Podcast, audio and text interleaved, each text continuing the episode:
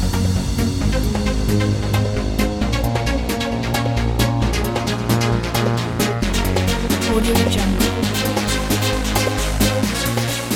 Avsnitt tre av podcasten Spotten idag är igång. Mitt namn är Josef Andersson och bredvid mig så har jag min expert och min vän Axel Svan. I dagens avsnitt så kommer vi prata om handbollselitserien för herrar, innebandy-VM för damer, skicross samt Premier League. Men Axel, jag inleder med frågan till dig. Hur är läget dagen till ära? Det är bra dagen till ära och eh, ikväll stundar vi ett eh, handbolls-VM och en semifinal, Sveriges första semifinal någonsin i damhandbolls-VM. Så i kommande avsnitt kommer vi gå in i det här och se hur det gick. Så vi ser verkligen fram emot det ikväll, men det kommer mer information om det i nästa avsnitt. Yes, och eh, just nu i, detta stund, i denna stund så är det ju skicross och eh, det kommer vi gå in på lite senare i det här avsnittet. Häng med, nu kör vi! Som inledning på avsnitt nummer tre av podcasten Spotten idag så tar vi oss till Bratislava i Slovakien där VM för damer i innebandy utspelade sig mellan den 1 och 9 december 2017. Vi från Spotten idag gratulerade svenska damlandslaget som gick och vann sitt sjätte raka VM-guld. Ehm, vi hör med vår expert Axel Svan vad han har att säga om det svenska laget och eh, turneringen, hur den utspelade sig. Överlägset är väl det ordet som kan summera den här turneringen väldigt bra. Om vi inleder med att kolla på gruppspelet så spelade Sverige i en grupp tillsammans med Schweiz, Polen och Tyskland. Och på de här tre matcherna så gjorde Sverige förkrossande 52 mål, släppte in sju mål. En rätt bra siffra på att innebandyn är väldigt ojämn runt om i världen och att Sverige är det största laget. Och det kan man se på antal licensierade spelare i Sverige. Det finns över 127 000 licensierade spelare i Sverige 2017 och de är fördelade på 940 klubbar. Och på tal om den statistiken så kan vi ju se att eh, 1982 var det första året som de eh, gjorde någon form av statistik på licensierade spelare. Och då var det 500 aktiva. Nu är det ju i sig från 1982, men 2017 så har vi över 127 000, vilket är väldigt fantastiskt. Men Axel, hur gick eh, slutspelet för damerna?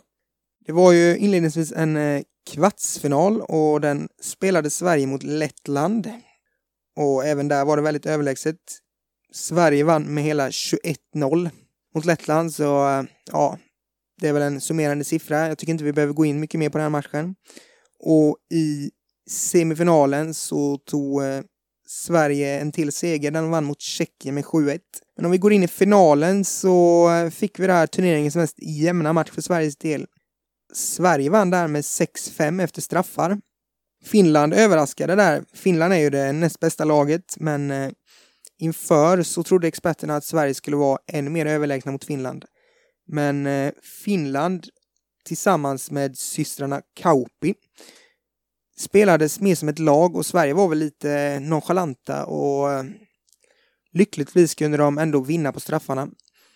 Och ett tydligt sätt på att Sverige var nonchalanta var ju att de ledde med 4-1 efter halva matchen och ja, de trodde väl det var en kassaskåps enkel seger men eh, Finland hämtade upp det hela och tog det hela till straffar men där kunde Sverige avgöra. Extra roligt var att Sara Jotting, målvakten som gjorde sin sista landskamp, fick avgöra med en riktigt fin räddning och Sverige tog därmed VM-guld.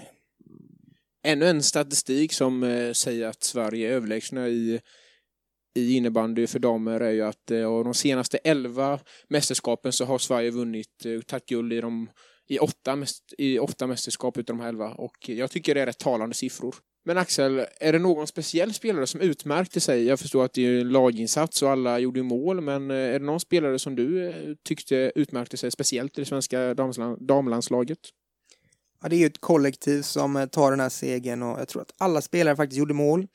Men en spelare som vi ska rikta ett extra tack till är ju Sara Jotting som vi pratade om tidigare, målvakten som gör sin sista landskamp, gjorde hon den VM-finalen och kan man avsluta på ett bättre sätt än att ta ett VM-guld, Josef?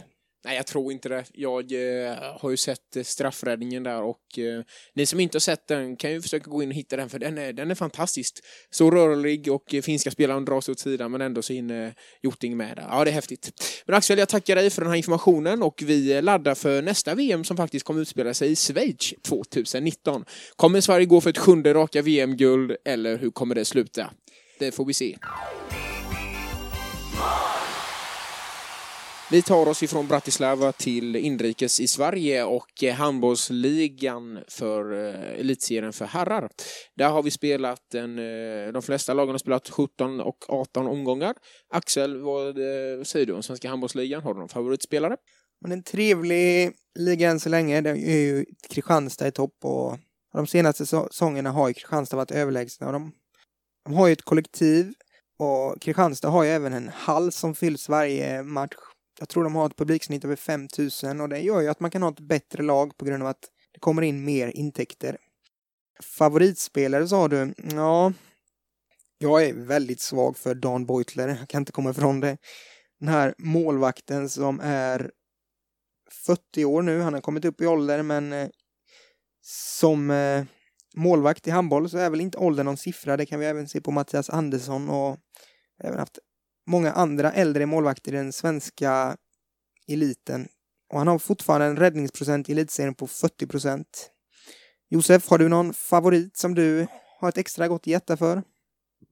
Ja, visst har jag det. Jag tänker på en eh, spelare som heter Albin eh, Lagergren som spelar i Kristianstad. Han spelar som högernia, han är vänsterhänt och han eh, har inledande den här säsongen efter 17 omgångar eh, skrapat ihop 107 poäng, varav 69 mål och 38 assist. Eh, Albin Lagergren, jag fastnade lite för honom faktiskt. Han är eh, född 1992 i Varberg.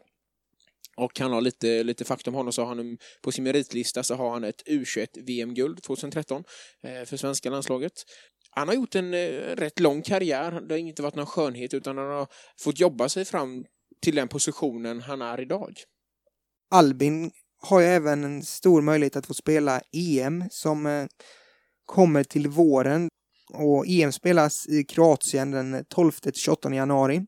Enbart tre spelare från den svenska ligan är i nuläget uttagna till truppen. De andra är Johan Jakobsson som ni säkert känner igen som spelar i Sävehof. Han har varit utomlands nu i fem år men kom tillbaka den här säsongen till Sävehof. Han är ju en eh, rutinerad spelare.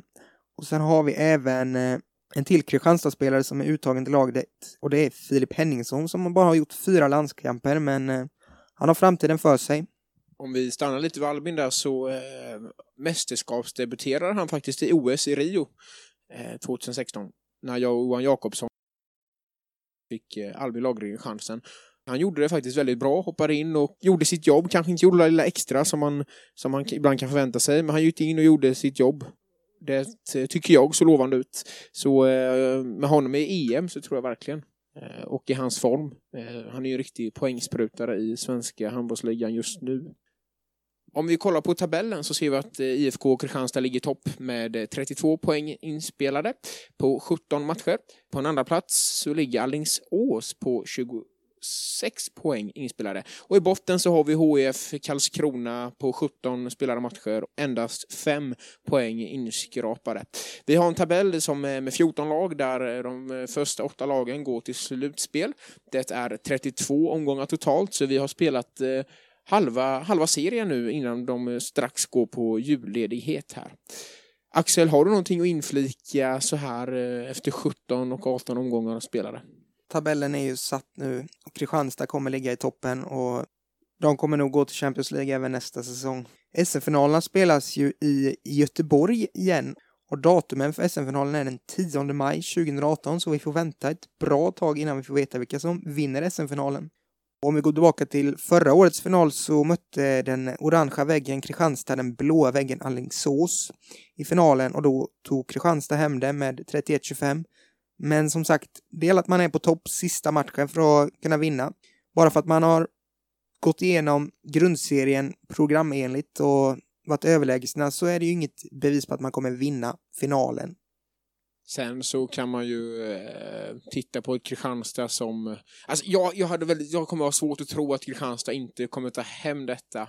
Eh, efter de 17 första omgångarna. Det är klart att mycket kan hända, skador kan komma, det kan komma eh, dippar och sådär, men Kristianstad har sån bredd, eh, sån ledning och klubben bakom. Nej, jag tror att Kristianstad kommer ta hem SM-guldet också 2017-2018. Ja, och Kristianstad är ju det laget som eh, kan mäta sig bäst ut i Europa också, så vi hoppas de vinner på grund av Europaspelet och Champions League. Årets Champions League har de spelat tio omgångar i gruppen och Kristianstad ligger på en sjätteplats av åtta lag. Den här sjätteplatsen resulterar i att de är det sista laget just nu som kommer gå vidare till eh, nästa kvalomgång i eh, gruppspelet. Kristianstad, vi får hoppas att de kan eh, hålla kvar sig där på topp 6 i Champions League-gruppspelet så att de kan få spela vidare. För bra publicitet för handbollsligan i Europa gör att vi kan få in mer utländska spelare och få en högre kvalitet på den svenska elitserien. Ja, och det blir ju lovande för framtiden också att man ser att det är svenska lag med i Champions League. Så ungdomar lär sig spela handboll och vi har en god framtid i handbollsvärlden. Vi tackar för handbollen och går vidare. Då är det dags för mig, Axel, att ta över programledarskapet här för en stund. Vi ska prata om Premier League, ligornas liga som jag brukar säga. Vi har spelat 17 omgångar i Premier League. Totalt i Premier League så är det 38 omgångar. Och vi har ett lag som heter Manchester City i toppen som har dragit ifrån och leder nu med 11 poäng före United, Manchester United som sagt. Men eh, vi i Sporten idag tänkte gå igenom eh, topp 5 i ligan just nu och där har vi alltså City på en första plats, United på en andra plats, Chelsea på en tredje plats, Tottenham på en fjärde plats och på en femte plats ligger Liverpool. Josef, vad är din analys av säsongen än så länge? Min analys av säsongen hittills är väl sådan att eh, vi har ett lag eh, av namn Manchester City som är totalt överlägset. Alltså spelat 17 matcher och eh, vunnit 16 utav dem och en oavgjord och hela 49 poäng. De eh, slog ju rekord här nu på ehm, eh, seger, alltså de har inte förlorat en enda match och eh, det var Arsenal som hade detta rekordet innan och nu slog City detta rekordet. Så nu leder de den statistiken med att ha spelat 17 matcher utan att ha förlorat en enda match. Eh, Därefter sen då lagplats, lag, eh, plats nummer två och tre ska jag säga Eh, och kanske till och med 4 av 5 så är det väl fortfarande jämnt. Vi har Manchester United som ligger på en andra plats på 38 inspelade poäng. Och en tredje plats så ligger Chelsea på 35 inspelade poäng. Och eh, det är väl de tillsammans med Tottenham och Liverpool som är upp om andra platsen. Det blir spännande att se framöver. Men jag tror, jag, man ska inte dra några förhastade slutsatser såklart. Det kan hända skador på lagen. Men jag tror faktiskt att Manchester City kommer att ta hem titeln i år. Säsongen är lång, men eh, det försprånget de har fått nu är ju väldigt stort. Vad är det som gör att Manchester City ligger där de ligger nu då? Ja, det är många faktorer såklart. Det är ju en lagmaskin utan dess like. Jag skulle faktiskt vilja påstå, jag vet inte hur många som håller med mig, men att Manchester City nästan, eller att de är bäst i världen just nu. De har världsspelare på nästan varje, eller på, på varje position. Jag eh, tänker på sån som Kevin De Bruyne som eh, spelade Chelsea för några år sedan här nu och eh, gick sedan till eh, eh, tyska ligan till Wolfsburg eh, där han eh, gick för 18 miljoner. Eh, sedan så eh, köptes han upp av Manchester City här nu 2015. Lite kuriosa om det är att Manchester gjorde sitt dyraste köp på 55 miljoner pund. Men där spelar i alla fall Kevin De Bruyne just nu. Han mm, är från Belgien. Han spelar som central innermittfältare och ehm, han är inte så gammal utan han är född 1991. Och eh, jag skulle vilja påstå att han är en stor faktor till där Manchester City ligger idag. Han är en, eh, en viktig kugge i laget, där han är en spelmaskin, där han fördelar bollar ut till sina medspelare och anfallare. Han, eh, ja, han är ett allt ständigt hot så fort han får bollen och eh, han har fått till sin högerdoja eh, finslipad på den så han kan lägga riktiga fina smörpassningar som man säger i spottens värld. Sen har vi en annan spelare i eh, City som jag vill eh, upplysa lite och det är en eh, spelare som heter Sané. Det är en tysk spelare, han är bara 21 år gammal, alltså född 1996.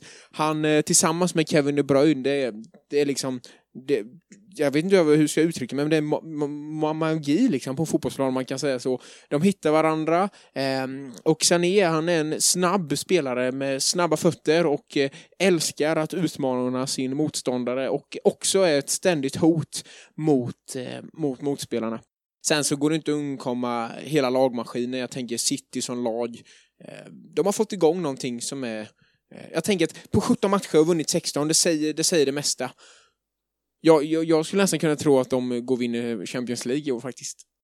Ja, de eh, har ju gått eh, väldigt bra där med. De vann ju fem matcher i Champions League, åkte på en förlust, men eh, de vann gruppen och ska nu gå in i eh, slutspelet av Champions League där de eh, ska möta Basel. Ja, det var en lätt lottning är min analys av det hela och ja, men de borde gå vidare till eh, kvartsfinal. Ja, man kan tycka att det är en lätt lottning, men klart vinner man sin grupp då får man ju möta eh, en tvåa från en annan grupp och då blir det ju, inte alltid, men eh, troligtvis en lättare grupp eh, motståndare i, i, i, slutspelet. Så här. Men jag tänker så här att i söndags eh, så fick vi se ett Manchester-derby mellan Manchester United och Manchester City.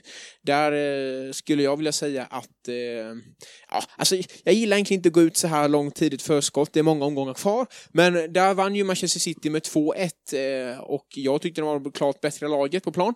I alla fall i första halvlek. I andra halvlek jämnade ut sig lite.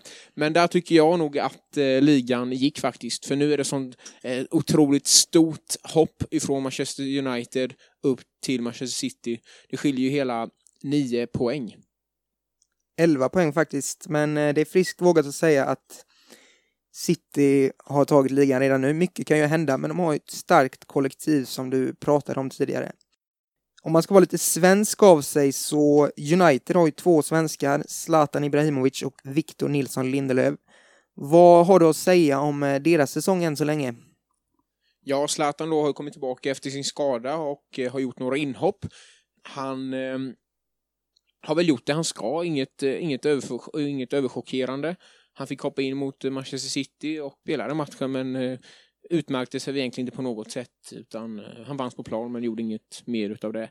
Men däremot så har vi ju Victor Nilsson Lindelöf. Det är ju väldigt spännande spelare som är framtidslovande back som spelar som mittback i Manchester United han tillsammans med Granen får vi hoppas att han, de två får igång ett riktigt skönt mittlås till VM eh, som kommer här i fotbolls-VM som kommer här i sommar. Men eh, Victor Nilsson Lindelöf, han har ju fått starta några matcher, fått eh, förtroende av eh, Mourinho som eh, coach för Manchester United. Han fick eh, inte spela mot eh, City tyvärr. Det hade jag gärna önskat se honom göra. Men eh, ja, det är en ung lovande spelande, spelare han har verkligen framtiden för sig, som man säger. Vad är det som krävs för att han ska ta nästa steg och ta den här startplatsen i United? Är det bara träning eller eh, ja, vad tror du Josef?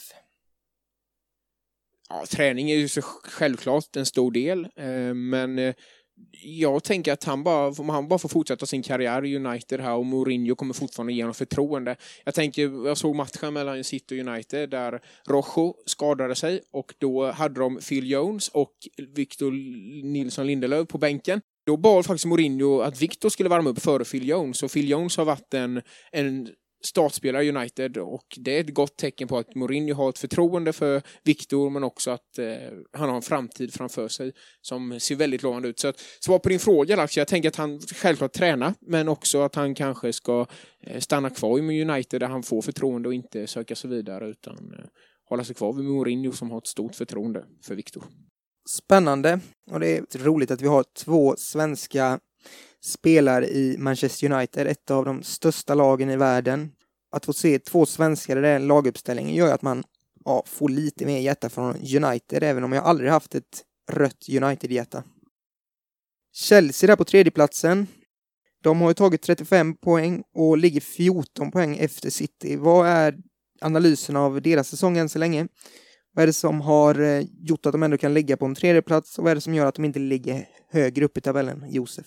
Att de inte ligger högre är väl att, det är som, att de är ojämna. Jag tänker på, eh, de förlorade mot West Ham här för två omgångar sedan med 1-0. De förlorade första omgången, alltså omgång nummer ett, mot Burnley. Ska man gå och vinna Premier League så kan man inte förlora mot sådana lag. Man kan, man skulle kunna kryssa mot eh, topplagen, om man säger City United och sådär, men man kan inte gå och förlora mot eh, bottenlag som West Ham eller Burnley. Det, det håller inte i längden jag vet inte riktigt vad Chelsea ska behöva göra. De, de har ju bra spelare på position, sina positioner. Det handlar väl om att de bara ska få komma igång och, och få igång sin lagmaskin. Något som är intressant är väl att eh, David Luiz då som är en världsback som spelar som mittback eh, har kommit i konflikt med eh, tränaren Conte. Jag vet inte hur mycket detta påverkar laget. Men eh, ja, det, det, är något som inte är riktigt som det ska i Chelsea och det har varit lite pengaproblem vad jag vet Eh, som också ställt till det för laget. Och det kanske gör en viss orolighet och de kan inte spela ut sig redigt. Så de inte kan. Men eh, jag tänker också att ehm, eh, med tanke på att David Luiz inte får, eh, får spela så eh, får en annan eh, Andreas Christiansen som är dansk som har fått jätteförtroende att spela i Chelsea och Chelsea kör ju ett tre trebackslinje. Där spelar Christensen eh, eh, den svåraste positionen enligt mig. Han spelar i mitten, där man håller ihop backlinjen och man ska eh, falla ner när det falla, hålla djup när det är rätt tid för det. Han gör detta fantastiskt bra. Så eh, Danmark, det är bara att gratulera till en eh, stor blivande mittback i framtiden. På fjärde plats där, Tottenham. Ja, Tottenham har ju ständigt legat på den här runt eh, fjärde, tredje, fjärde, femte plats de senaste säsongerna ja, men de har ett jämnt lag och de kanske inte förlorar de där eh, matcherna mot bottenlagen, men de tar ju inte segrar mot de eh, topplagen heller. Så eh, Tottenham, ja, de ligger på 31 poäng på grund av att de är bra mot allt motstånd. Jag skulle vilja säga att inget emot Tottenham. Tottenham är ett, det är ett klassiskt lag och det är en härlig, en härlig klubb och förening, men jag tycker ändå att de ligger där de förväntas att ligga och borde ligga på en fjärdeplats. plats. Eh, det är klart att de ska vara med och slåss om Champions League-platser, det är inte det jag säger, men de, ehm, ja, att vara med i toppen av platspositionerna 1 och 2, det, det hade jag inte förväntat mig av Tottenham, så jag, jag, tycker de har gjort en otroligt bra säsong. Något som är väldigt kul för Tottenham är att de har gjort en bra eh, Champions League eh, säsong faktiskt, där de både har vunnit mot Dortmund, både i Tyskland och i England, men också faktiskt mot Real Madrid. Eh, och de är också vidare här nu i Champions League-slutspelet, så det ska bli kul att följa deras resa där. Men eh, där är ju Harry Kane, liksom. alltså vilken, vilken spelare som produktion. Han, på 12 mål ligger han på en andra plats i skytteligan. Ja, det, de har fått igång sin lagmaskin helt enkelt, Tottenham. Mm. Och lag nummer fem, där har vi Liverpool och nu tänkte vi i Spotten idag testa en eh, lite ny sak. Vi ska nämligen intervjua Jakob Fager Bjerkhed som har ett stort Liverpool-hjärta. Så eh, vi går över nu till ett telefonintervju med Jakob.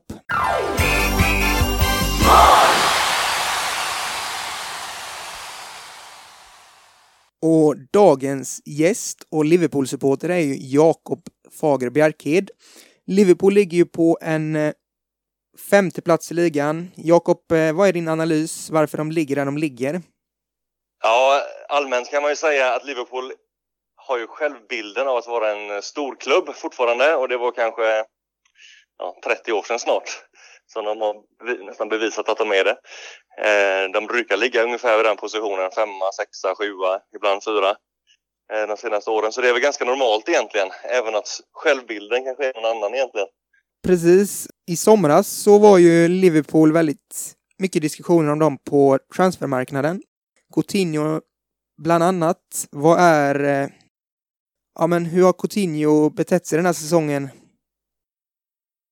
Man var ju lite orolig. Eh, Barca ville ju ha Coutinho och det var stora pengar som man pratade om. Men eh, Liverpool stod på sig och vägrade sälja. Det kan ju bli så med de här brassarna och andra när de vill längta till Spanien att de blir sura. Men eh, vi tycker väl, eh, vi Liverpool-supportrar, att Coutinho har bitit ihop och försökt att prestera så bra han kan för att bevisa sitt värde nu till nästa sommar. Då. Jag tror definitivt han blir såld eh, nästa sommar. Det tror jag. Men han har bitit ihop och eh, har presterat jättebra när han har varit frisk. Så att, han kan man inte klaga på hans inställning faktiskt. Om eh, jag säger Mohamed Salah då, och 13 mål, han leder alltså Premier Leagues skytteliga. Vad är det som gör han till eh, en ledare i skytteligan av Premier League. Det var ju en fantastisk värvning i somras. Eh, Mohamed Salah som misslyckades i Chelsea eh, för några år sedan. Gick till Roma och fick igång eh, sin karriär igen och hämtades för relativt eh, billig summa då till Liverpool. Omkring 30 miljoner pund där. Eh, det är mycket pengar men i de här, för att vara Premier Leagues skytteligaledare just nu så är det ju inga pengar faktiskt. Eh, han spelar ju ute till höger på, i deras tremananfall och är vindsnabb. Har tidigare bränt nio av tio lägen kanske. Nu börjar han sätta dem och då, då gör han så många mål. Eh, han gör ju även mål i Champions League. Eh, så att eh, han är oerhört viktig för Liverpools anfallsspel och har lyckats bättre än många trodde när han kom till Liverpool. Det stod ju lite där, jag läste lite om att Salah kan eh, vara på väg bort här nu och ja, han är ju ett starkt rykte på transfermarknaden nu i januari där. Ja. Vad är er analys av det? Ni Liverpool-supportrar, vad tror ni om det hela? Nej, jag tror inte Salah går nu. Eh, inte när han bara spelat eh, knappt en säsong än så länge då. Eh, han kommer stanna. Eh, det tror jag. Han eh, kommer förmodligen bli såld om inte Liverpool tar nästa steg. För ingen sån, en världsspelare vill inte spela i Liverpool om man slåss om fjärdeplatsen i en liga år efter år. Liksom. Utan eh, då måste ju Liverpool steppa upp. Och de har ju varit i en sån här eh, ska man säga, ond cirkel. Eh, de behöver behålla sina bästa spelare för att steppa upp och ta nästa steg. Men de blir tvungna att sälja dem för att de inte trivs. Typ Torres, Suarez, alla stora spelare de har haft egentligen förutom Steven Gerrard som då stannade. Men eh, annars så, de drar ju efter ett tag. Så det kommer säkert hända med Salah med. Men inte nästa säsong, det tror jag inte. Eh, de, de kommer behålla honom. Däremot Coutinho kommer nog vara förlorad. Eh, det tror jag har ju alltså ett av världens bästa anfalls, eh, ja, anfallsfyra egentligen. De har ju tremananfall och där har de ju de, de, eh, de kan ju göra mål på vilka lag som helst och de eh, öser ju in mål liksom. Eh, och Coutinho spelar på offensivt mittfält kan man ju säga då, så de fyra där. Salah, Firmino i mitten och sen eh, Mané på vänsterkanten och så har vi Coutinho på offensivt mittfält. Det är ju, det är ju världsklass på, eh, på alla dem egentligen. Så det mäts ju med de allra, allra bästa lagen i världen. Däremot försvarsspelet är ju katastrof, men det är en helt annan sak. Vi får se om eh, de andra lyssnarna håller med dig om världens, ett av världens bästa anfall. De har ju gått väldigt bra i Champions League-gruppspelet. De ska ju nu möta Porto. Vad är det som gjort att de ändå har tagit sig igenom gruppspelet så pass bra? Ja, dels, eh, dels lottningen som var väldigt enkel egentligen. Eh, det får man ju vara ärlig och säga. Det var eh, en drömlottning. Och Porto är också en drömlottning för oss Liverpool-supportrar. Det kunde blivit mycket, mycket värre. Real exempelvis. Ehm, så att tar de sig inte vidare mot Porto så är det ju, inte säga skandal, men det är ju eh, helt, helt klart underbetyg. Men det har gått bra i, Champions League och de, det är ju anfallsspelet. Det är hela tiden det. De, de, eh, det funkar och de eh, gör mål allihopa.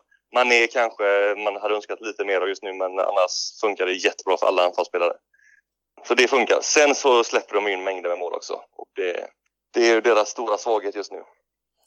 Ja, men vi får hoppas att Liverpool kan eh, skärpa till sig där bak och att ja, men de kan få en storhetstid snart framöver. För eh, ja, det var ju över 20 år sedan det var där uppe i toppen senast. Ja, absolut. Vi har ju varit och, och, och nosat några år. Jag menar, 05 när man vann Champions League med ett eh, sketlag egentligen. Och sen eh, 08 med Torres och Gerard var man ju på nosa på ligatoppen där. Eh, 13 var det väl med Suarez eh, och Starwich och Gerard som var stjärnorna då. Då var man också uppe till de sista omgångarna och skulle vinna ligan men sen så föll de där på målsnöret. Och då drar de bästa spelarna, det är ju så. Och då, då bygger man inget storlag heller. Så jag hoppas att det ska vända för dem. Ja, nära skjuter ingen har det. Vi får Nej. tacka dig så jättemycket Jakob för din analys om Liverpool. Och det var roligt att du ville vara med i podcasten Sporten idag. Ha en bra dag! Du, så mycket. Ha det så gött. Hej!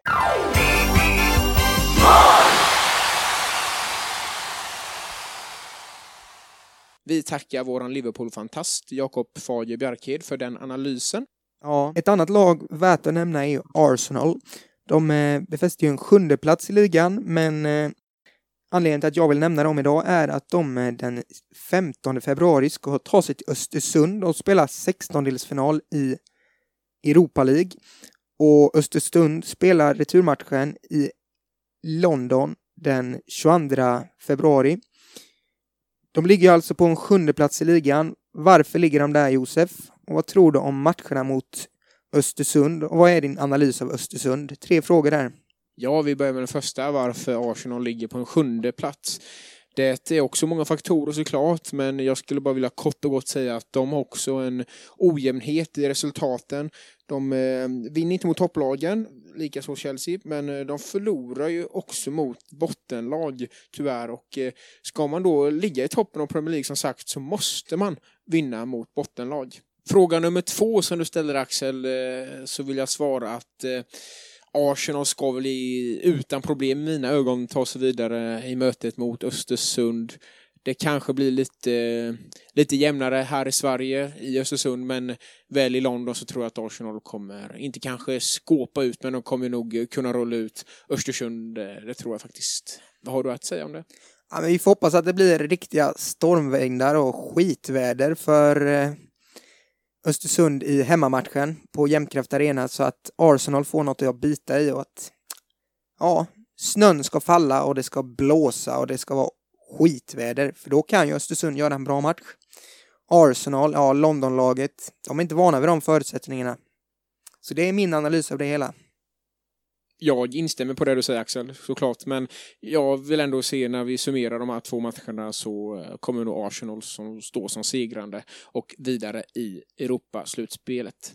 Min analys av Östersund, Axel, som också var din tredje fråga, är väl att eh, ett väldigt häftigt lag faktiskt. Jag tänker Östersund eh, som förening, som klubb, eh, bildades eller grundades rättare sagt 1996 och idag 2017 så har de gått vidare från Europa League-gruppspelet och ska möta ett Arsenal i här nu i februari. Jag tänker att det får tala för sig själv. Så ehm, ja, men jag, jag är fascinerad. Jag tänker på Graham Potter där som är eh, lagledare och coach han har gjort ett fantastiskt bra jobb med de här spelarna. Största frågan som eh, kommer komma upp är hur ska de kunna bygga vidare på detta laget? Hur kommer det se ut nästa år? Spelarna kommer bli attraktiva på marknaden och ehm, Ja, det blir spännande. Samtidigt så får de en ekonomisk boost här nu. Jag vet att de fick eh, 5 miljoner som en engångssumma för att de gick vidare från gruppspelet i Europa League. Så eh, det kanske de kan göra någonting för, för de pengarna. Men Östersund i alla fall, det är häftigt och vi vi följer deras resa i Europa League med spänning, Axel. Vi eh, tackar nu eh, Premier League och så går vi vidare i detta programmet. Vi tar oss till Montafon som ligger i västra Österrike i gränsen mot Schweiz. Eh, där idag gick en skikross-tävling och Axel kan inte du ta oss igenom främst dagens tävling men också den inledande säsongen på skikross-säsongen? Dagens tävling, vi kan ju först inleda och säga att det är eh, fredagen den 15 december idag om du lyssnar på programmet efter. Och det var en eh, tävling där vi fick se Erik Moberg ta sig till sin första final någonsin. Den här 21-åriga idolisen är ju någon som inte har jättebra koll på. Erik som är född 1997 är en otroligt komplett skidåkare som eh, bemästrar de flesta olika skidtekniker. Han är, ja, som ni vet, riktigt, riktigt bra i skikross, världsklass där, men han är även bred i parkåkning och friåkning.